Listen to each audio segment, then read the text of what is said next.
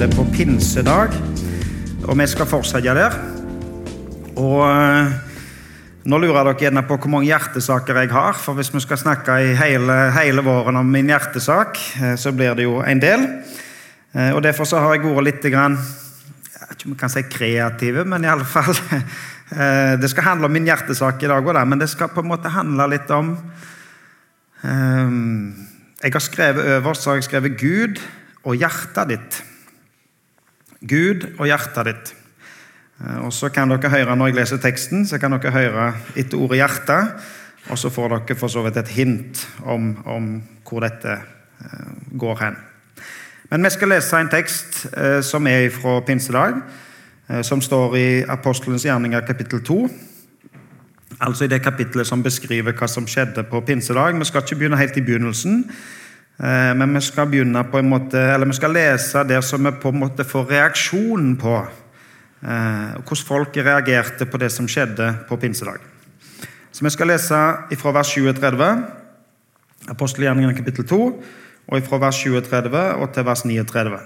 Og der står det Da de hørte dette, stakk det dem i hjertet. Og de sa til Peter og de andre apostlene, Hva skal vi gjøre, brødre? Peter svarte dem, Vend om og la dere døpe i Jesu Kristi navn, hver og en av dere. Så skal dere få tilgivelse for syndene, og dere skal få Den hellige ånds gave. For løftet gjelder dere og barna deres og alle som er langt borte, så mange som Herren vår Gud kaller på.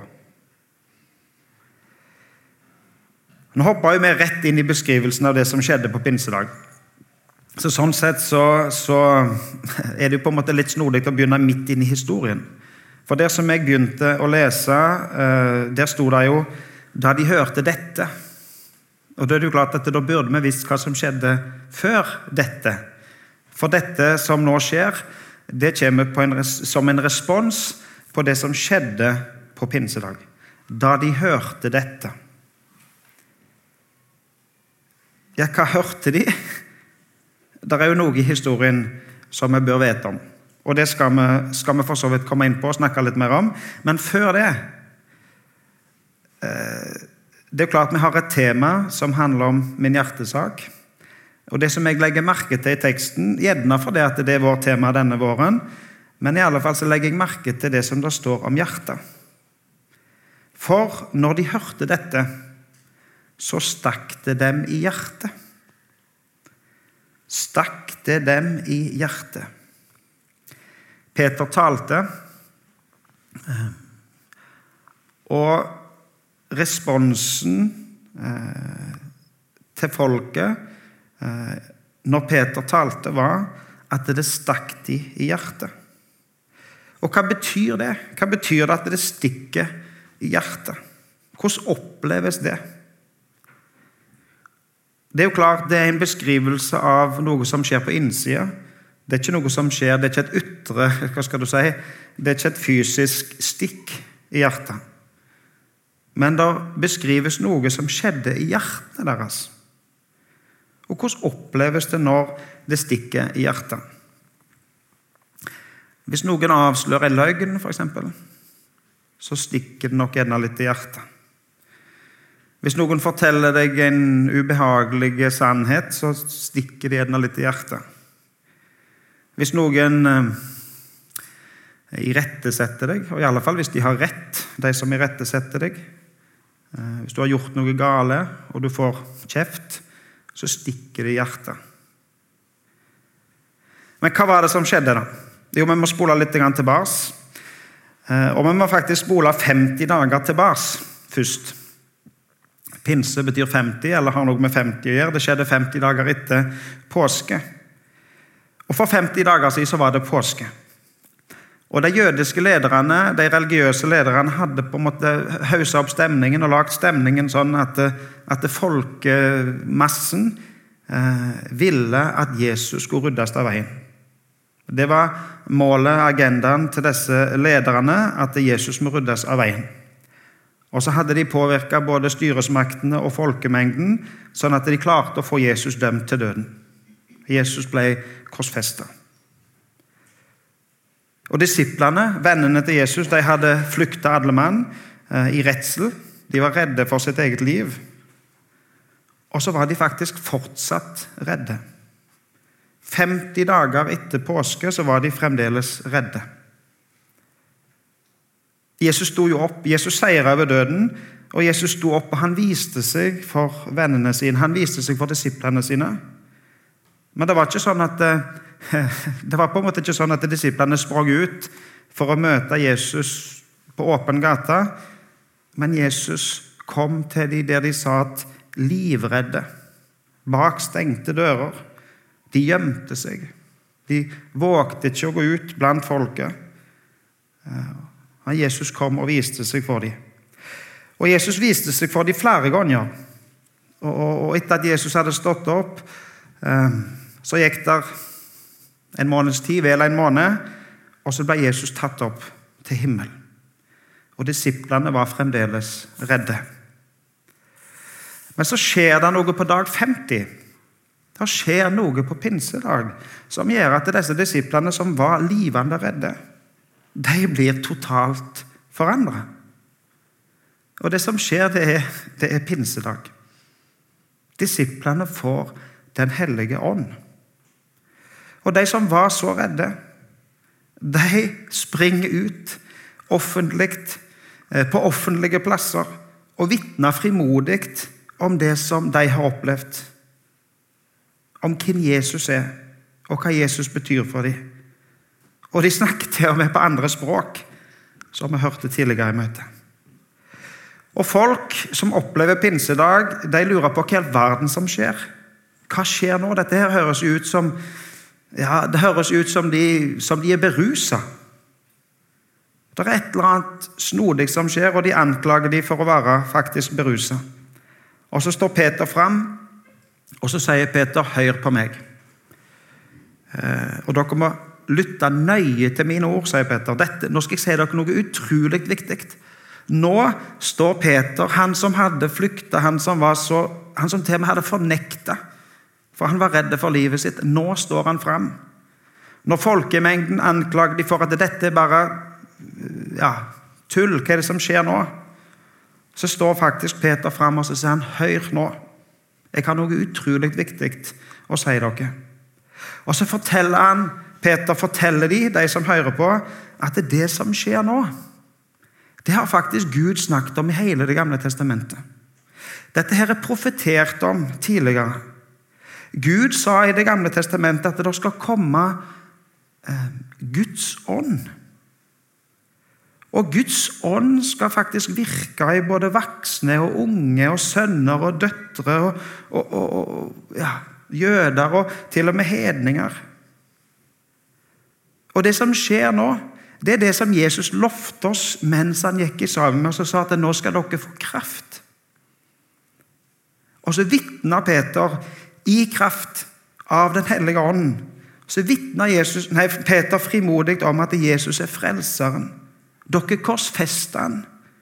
Men Jesus er han som er lovt. Jesus er han som skal komme.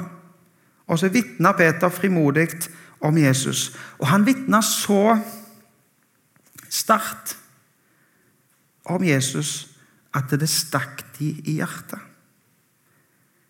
De som hørte på, opplevde at dette budskapet stakk de i hjertet.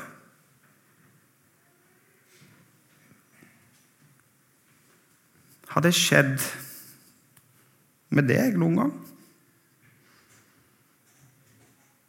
Har du opplevd å være høre på noe, og mens du hører på noe, så stikker det i hjertet? Kan hende du har opplevd det her på bedehuset. Kan hende du har sittet på et møte og hørt ehm, et budskap som gjør at det stikker i hjertet. Eller når dere var samla seks, sju, åtte, ti, jeg vet ikke hvor mange i ei bibelgruppe, så var det et budskap som gjorde at det stakk i hjertet. Eller kan hende du til og med satt alene med Bibel, eller hørte på en kristen sang, eller og så stikker det i hjertet. har det skjedd med deg at Guds ord på en måte har, har nådd inn sånn at det stikker i hjertet?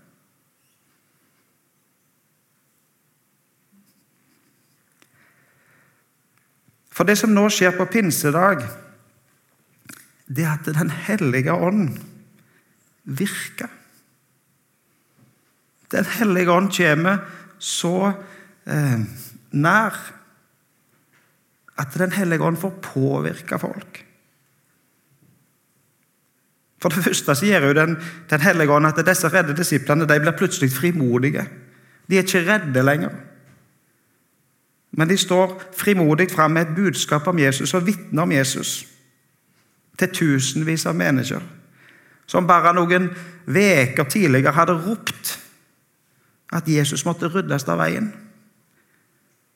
De som egentlig var grunnen til at Peter og de andre var livredde. Nå står Peter framfor dem, og så vitner han. Uten frykt. Og han vitner faktisk om Jesus på en sånn måte at det stikker i hjertet.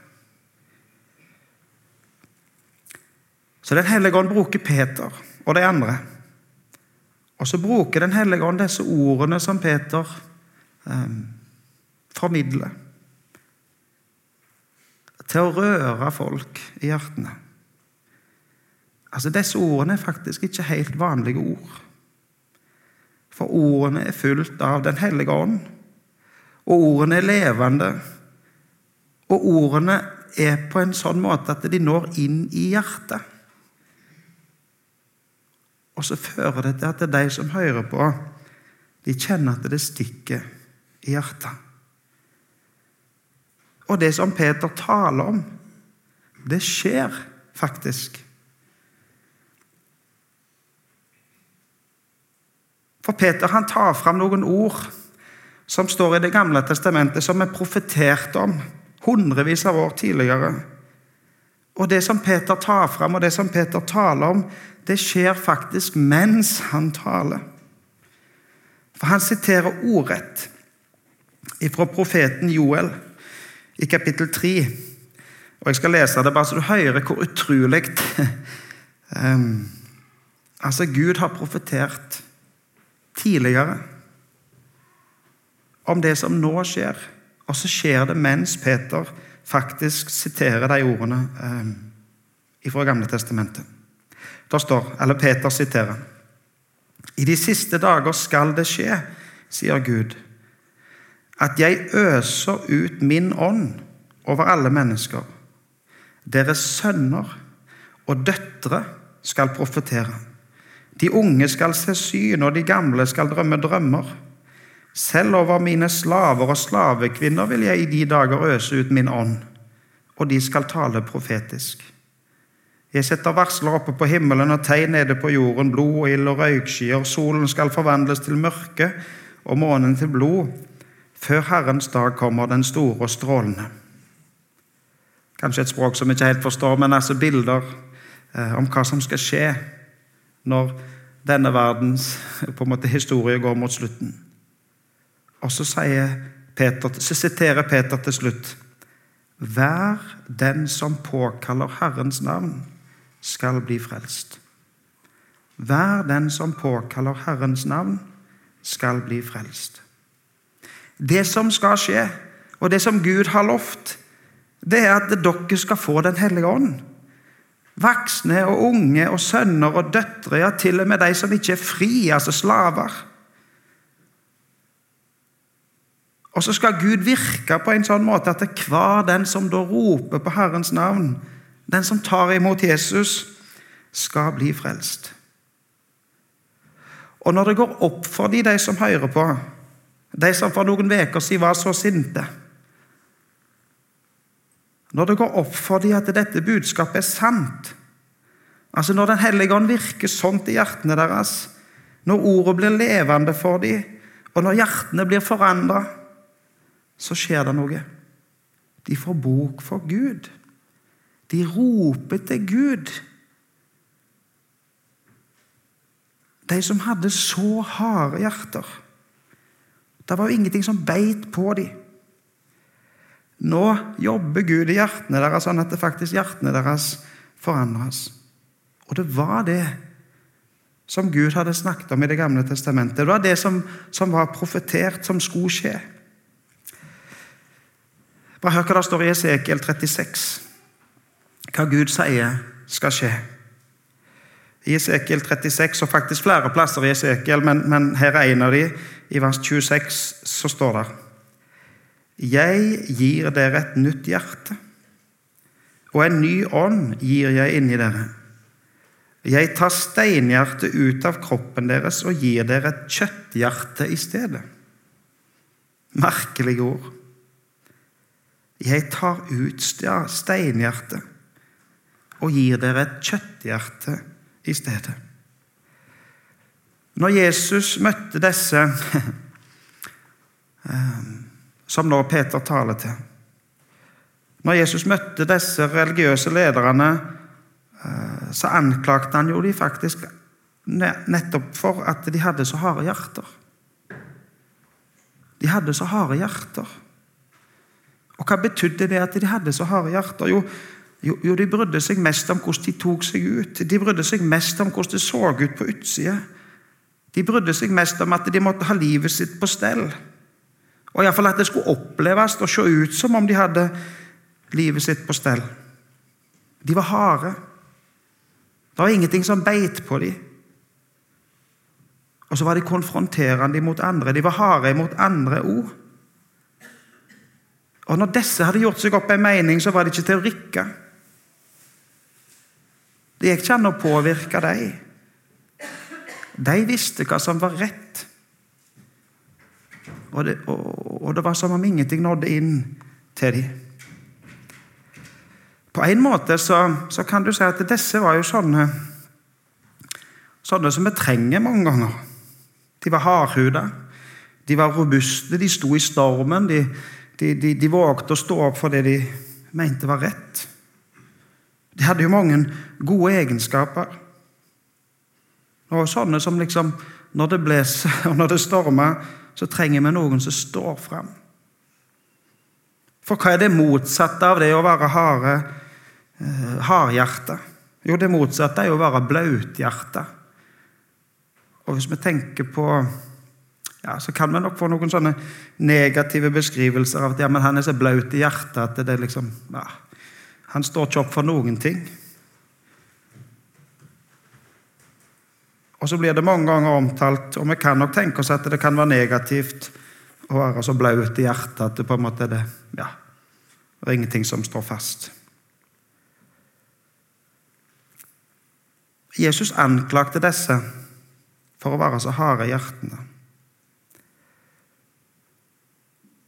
Og hva var problemet med å være harde i hjertene? Altså, på en måte, som jeg nettopp sa, så er det jo på en måte bra å stå opp, altså ikke la seg rikke på, ikke liksom snu med vinden på en måte, sånn for enhver vind som blåser. Men hvorfor, hvorfor, ville Gud ta ut steinhjerter og sette inn nye hjerter? Hva skulle de med hjert, nye hjerter? Hvorfor trenger de nye hjerter? Jo, for Gud ville nå inn. Gud ville inn i hjertet. Altså, Gud ville påvirke hjertet. Gud ville røre med hjertet. Gud vil inn i hjerter med sin hellige ånd for å virke i livene våre. Sånn at livene våre blir påvirka av Han. Harde hjerter lar seg ikke påvirke. Steinhjerter er døde. Steinhjerter er harde. Ingenting når inn. Men Gud vil inn. Gud vil påvirke. Gud vil at det skal stikke i hjertet når, når det trengs. Hvordan er det han vil virke? Hva vil Gud inni hjertene våre? Vi må ta et lite sidespor og snakke bitte litt om hva hjertet er. Ehm, vi er jo Vi er kommet langt i, i, i 2023, både sånn fysisk og medisinsk, og vi skjønner hva som skjer i kroppen vår. alt det der. Vi må huske at Bibelen er skrevet for tusenvis av år siden. Noe av det, En del av det, eller tusenvis av år til, og noen ting er enda eldre. Og, og det å bruke ordet hjerte, det er mer et bilde enn det som vi sånn medisinsk kan forklare. Ok, Det var en liten parentes. Men hva, hva betyr det når Jesus snakker om hjertet? Eller hva betyr det når Bibelen snakker om hjertet? Jo, de visste jo at hjertet var inni der, og det, og det var hjertet du trenger på en måte for, for at du skal leve rent fysisk. Altså, du, For at kroppen skal ha liv, så må hjertet fungere. Det var, var, og er på en måte soleklart. Så hjertet må pumpe. Blodet må rundt i kroppen. Hjertet må være levende. Hvis hjertet er dødt, så er resten av kroppen død. Og så vet vi òg, og det gjelder også på bibelske tid, at, at hjertet det står for følelser. Og så er det utrolig vanskelig å vite hvor følelsene ligger. Ligger de egentlig til hjertet, eller ligger de andre plasser i kroppen? Men, men vi bruker hjertet, og Bibelen bruker hjertet for å beskrive følelser. Bare det å tegne et hjerte, og spesielt hvis det er rødt, eh, så forstår vi at dette handler om følelser. Men i bibelske tid så, så, så handler hjertet òg om, om tanker. Og om det intellektuelle. Om det som kan forstås. Og Det er litt forskjellig fra vår tid, for vi tenker at intellektet handler om hodet, og det gjør det jo selvsagt, men, men, men, for å beskrive intellektet så bruker Bibelen ofte ordet hjerte, eller bildet hjertet, Sånn at du tenker med hjertet. Sannheten ligger da i hjertet. Ikke bare det du føler av sannhet, men det som er sannhet, ligger i hjertet. Og Derfor kan du òg ta valg. Du kan ta valg med hjertet, og det kan vi jo egentlig i vårt språk. For vi kan fylle hjertet vårt, men så er det ikke alltid det helt rett. Men bibelsk språk er mer der at du kan ta, du kan ta velbegrunna valg med hjertet. For det at tankene, intellektet, ligger òg i hjertet. Så du kan velge med hjertet. Velg hva du vil, hvem du vil følge. Og Da forstår vi at eh, når Gud vil ta ut et hjerte av stein og sette inn et hjerte av kjøtt, så vil Gud at det hjertet du skal ha, det skal føre til liv. Altså, et dødt hjerte kan ikke banke. Et dødt hjerte kan ikke pumpe eh, blod rundt i kroppen. Men et hjerte av kjøtt, en muskel som fungerer, det fører til liv. Så Gud vil vekk med død og inn med liv. Det vil han for deg. Og så forstår vi òg at et, at et steinhjerte, det er hardt. Det er bittert. Det anklager. Ingenting biter på. Ingenting rører ved det hjertet. Men Gud vil at det harde steinhjertet skal ut. Og så vil han inn med et hjerte som kan vise omtanke. Som kan vise medlidenhet. Et hjerte fullt av kjærlighet.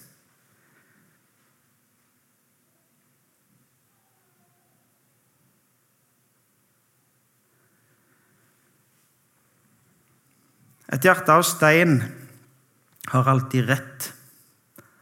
Et hjerte av stein har fasiten. Og Gud vil ta ut det hjertet av stein, det som på en måte alltid har rett, det som påstår å ha rett. Og så vil Gud sette inn et hjerte av kjøtt som gir Gud rett.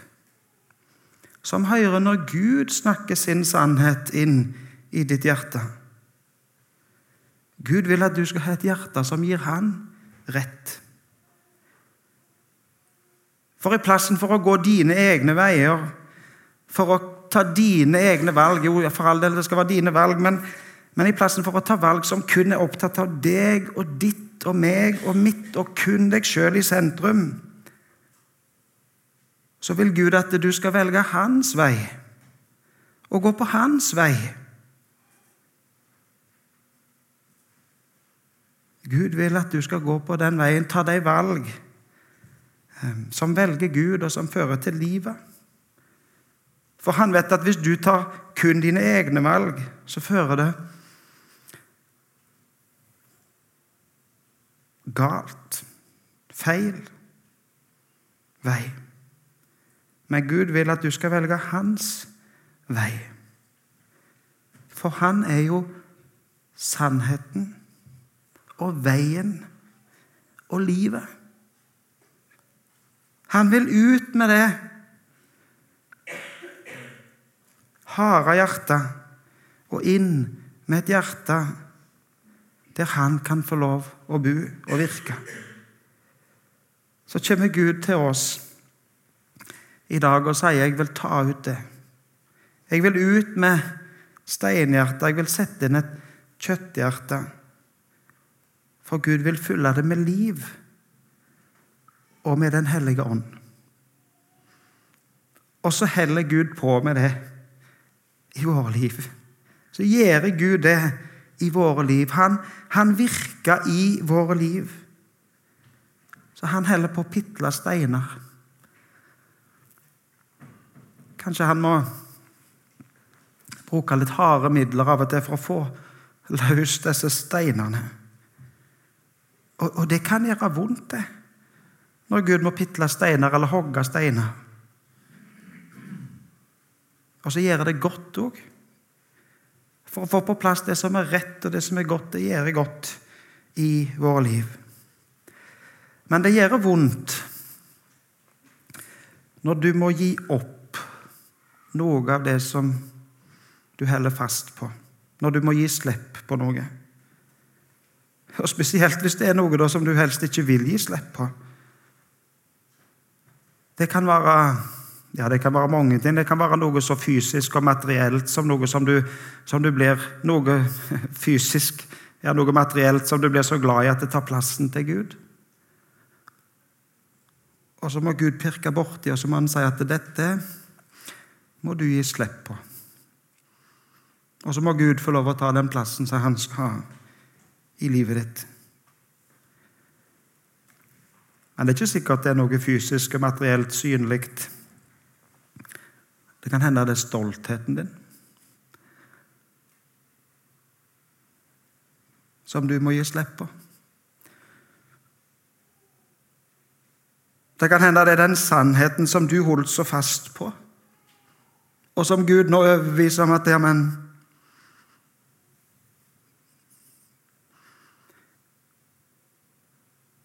Og så må du gi slipp på det som du holdt for sant. For Gud forteller at det er noe annet som er sant, som er rett.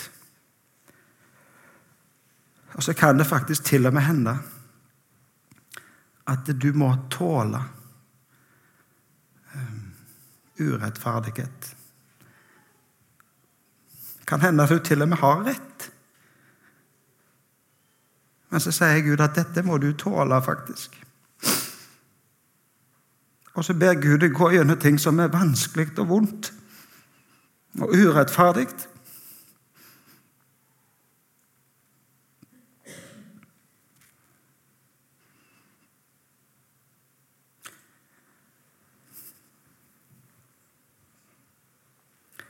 Det gjør vondt noen ganger når Gud må, må knuse steinen i hjertene våre. Men så gjør det utrolig godt. Det er utrolig godt når han får lov å rydde vekk død og får erstatte død med liv. Det er jo fantastisk når livet bobler i oss. Når det går opp for deg at dette budskapet om Jesus, det er jo sant. Det er jo rett, det er jo godt. Han er den han sier han er. Han er frelseren, han er, han er alt. Og Når Jesus får lov å komme inn og får lov å fylle deg med den sannheten, så er det jo, det er en fantastisk opplevelse. Det, det er jo fantastisk godt Når Gud får lov å røre med hjertet ditt, sånn at du føler at nå heller hjertet på sprikker sprikke av glede. Du er så glad. Når du sitter her i fellesskap i lag med andre og får lov å kjenne på at her hører jeg til. Her er det fantastisk å være. Og når du får lov å være med Synja, lovsynge og kjenne at dette er godt Og så er det godt når du til og med helt alene, helt for deg sjøl, kjenner at jeg er faktisk ikke helt alene, for Gud er her. Gud bor i mitt hjerte. Han er så nærme at han faktisk er i mitt liv. Da er det godt at Gud får lov å jobbe med hjertene våre. Gud jobber med hjertet ditt. Og det er både vondt og godt. Og så eh, kommer reaksjonen til disse som hørte på Peter. Disse som, det, som opplevde at det stakk i hjertet. Det, det stakk i hjertet deres, og så spurte de hva skal vi gjøre? Det stakk de i hjertet sånn at de, de, måtte spørre hva skal jeg gjøre med dette budskapet. Hva skal vi gjøre med dette som vi hører nå? Den hellige ånd virker. Og så svarer Peter så sier han, Vend om og la dere døpe. Så skal dere få tilgivelse for syndene og Den hellige ånds gave. Steinhjertene var i ferd med å, å gå sunt. Gud var i ferd med å erstatte og gi noe nytt. Og så svarte Peter, 'Vend om'. Hva betyr det? Jo, vend dere ifra usannhet til sannhet. Vend dere vekk ifra det som dere holder fast på, og til Jesus. Snu dere rundt og tru på Han. Han som dere før korsfesta. Vend dere om til Han og la Han få lov å, eh, å være deres frelser. Vend om. Tru på Jesus. Hva skulle de gjøre? Jo, de skulle vende om og tro på Jesus og la dere døype. Velg å følge Han. Kom til Han, la Han få lov å gi dere sin tilgivelse og sin hellige ånd.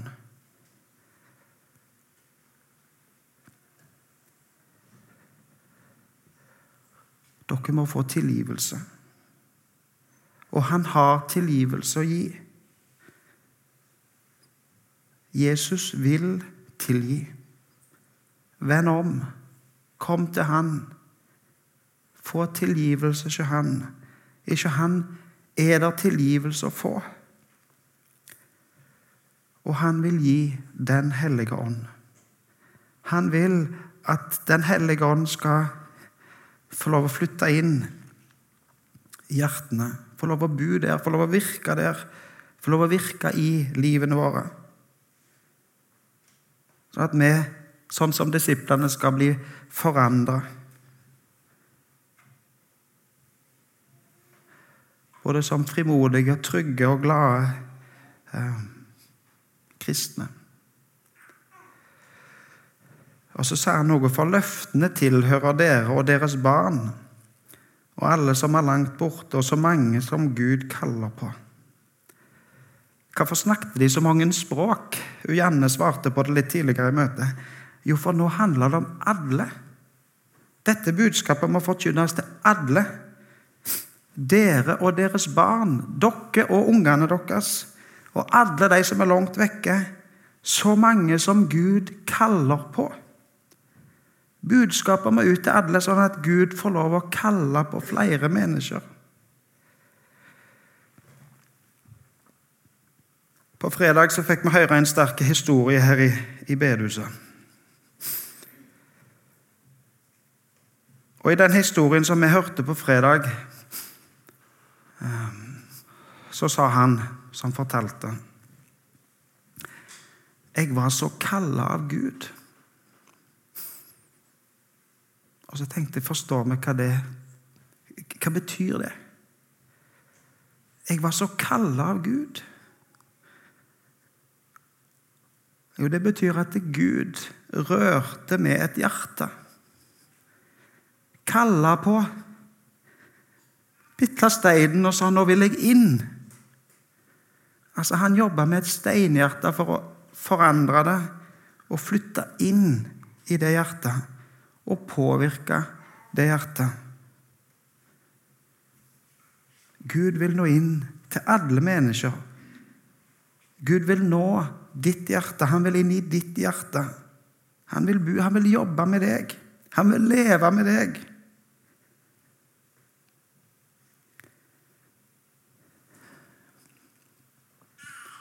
Gud er ekspert på hjerter. Derfor er den beste plassen å legge hjertet vårt i Guds hender. La Han få lov å jobbe. La Han få lov å bo i hjertene våre, for Han er ekspert på hjerter. Og han er faktisk ekspert på alle slags hjerter. Det er ingen hjerter han ikke forstår seg på. Han er ekspert på ditt hjerte. Han, han vil jobbe i ditt hjerte. Skal vi be. Jesus, takk for at du er sannheten og frelseren og livet.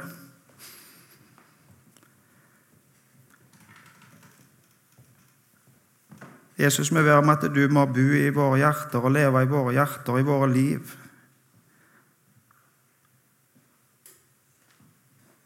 På en sånn måte at du får påvirke oss, at du får forandre oss. At du får veilede oss til å ta gode valg, til å gjøre gode ting. Til å følge din vilje mer enn vår vilje.